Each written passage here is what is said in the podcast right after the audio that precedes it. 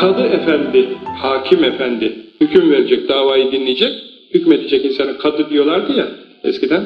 Nasrettin Hoca kadının huzuruna çıkmış filan hikayelerde biliyorsunuz kadı efendim hakim demek yani bizim bugünkü şeyimizde, kelime millerimizde.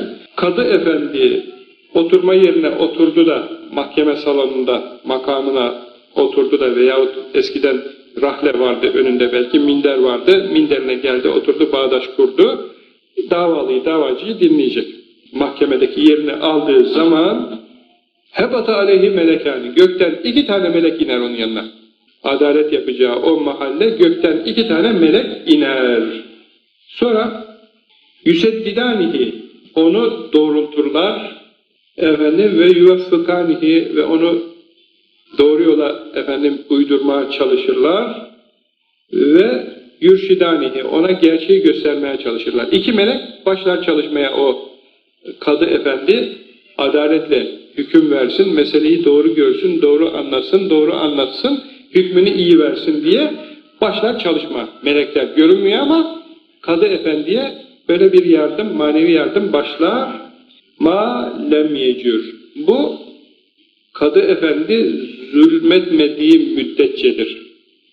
Zalimlik yapmadığı müddetçedir. Yani haksızlık yapmadığı müddetçedir. Cevru cefa, zulüm yapmadığı zaman. Yani kadının niyeti bozuk, kadı efendinin, hakim efendinin niyeti fena.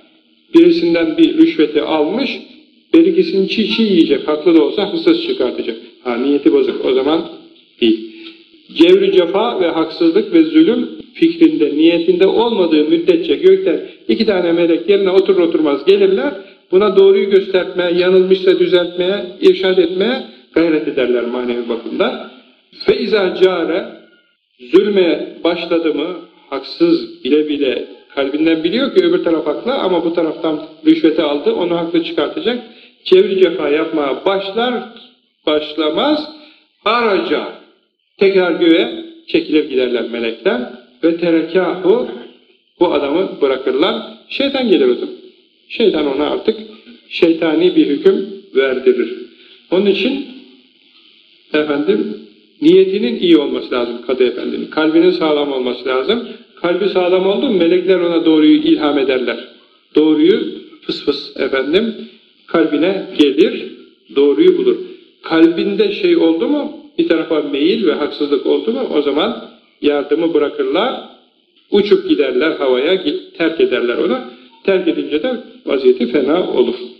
Bundan sonraki hadis-i şerif altıncısı İzâ celese ahadüküm inde muhtadarin fela yulihha aleyhi bi şehadeti fe innehu yekuluha bi lisanihi ev yumi yedihi ev bi tarafihi ev bi kalbihi Enes radıyallahu anh'ten bir tavsiye, Peygamber Efendimizin tavsiyesi, sizden biriniz muhtazır veya muhtazar, ismi fail, ismi meful, mümkün, vefatı yakın insana derler. Yani can çekişmekte olan, can, can hulkuma dayanmış olan, vefat etmek üzere olan kimseye muhtazır derler.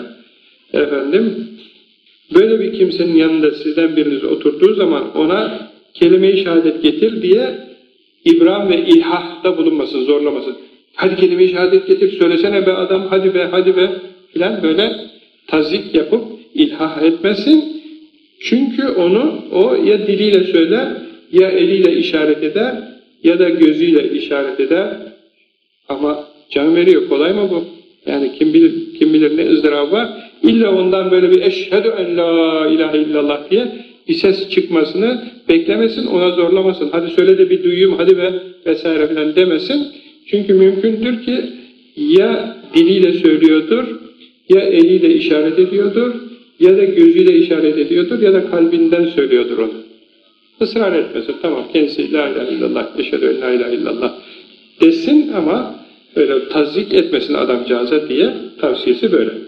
Efendimizin Yedinci sayfanın, 41. sayfanın yedinci hadisi şerifi İzâ celesetil mer'atü fissalâti vada'at fahizeha ala fahizehel uhra fe izâ secedetis secedet el sakat batnaha ala fahiziha ma yekûnü leha fe innallaha teala yenzuru ileyha yekulu ma ya melaiketi üşhidikum enni kad gafartu leha Abdullah İbni Ömer'den rivayet edilmiş hadis-i şerifte Peygamber Efendimiz'in şöyle buyurduğu naklediliyor.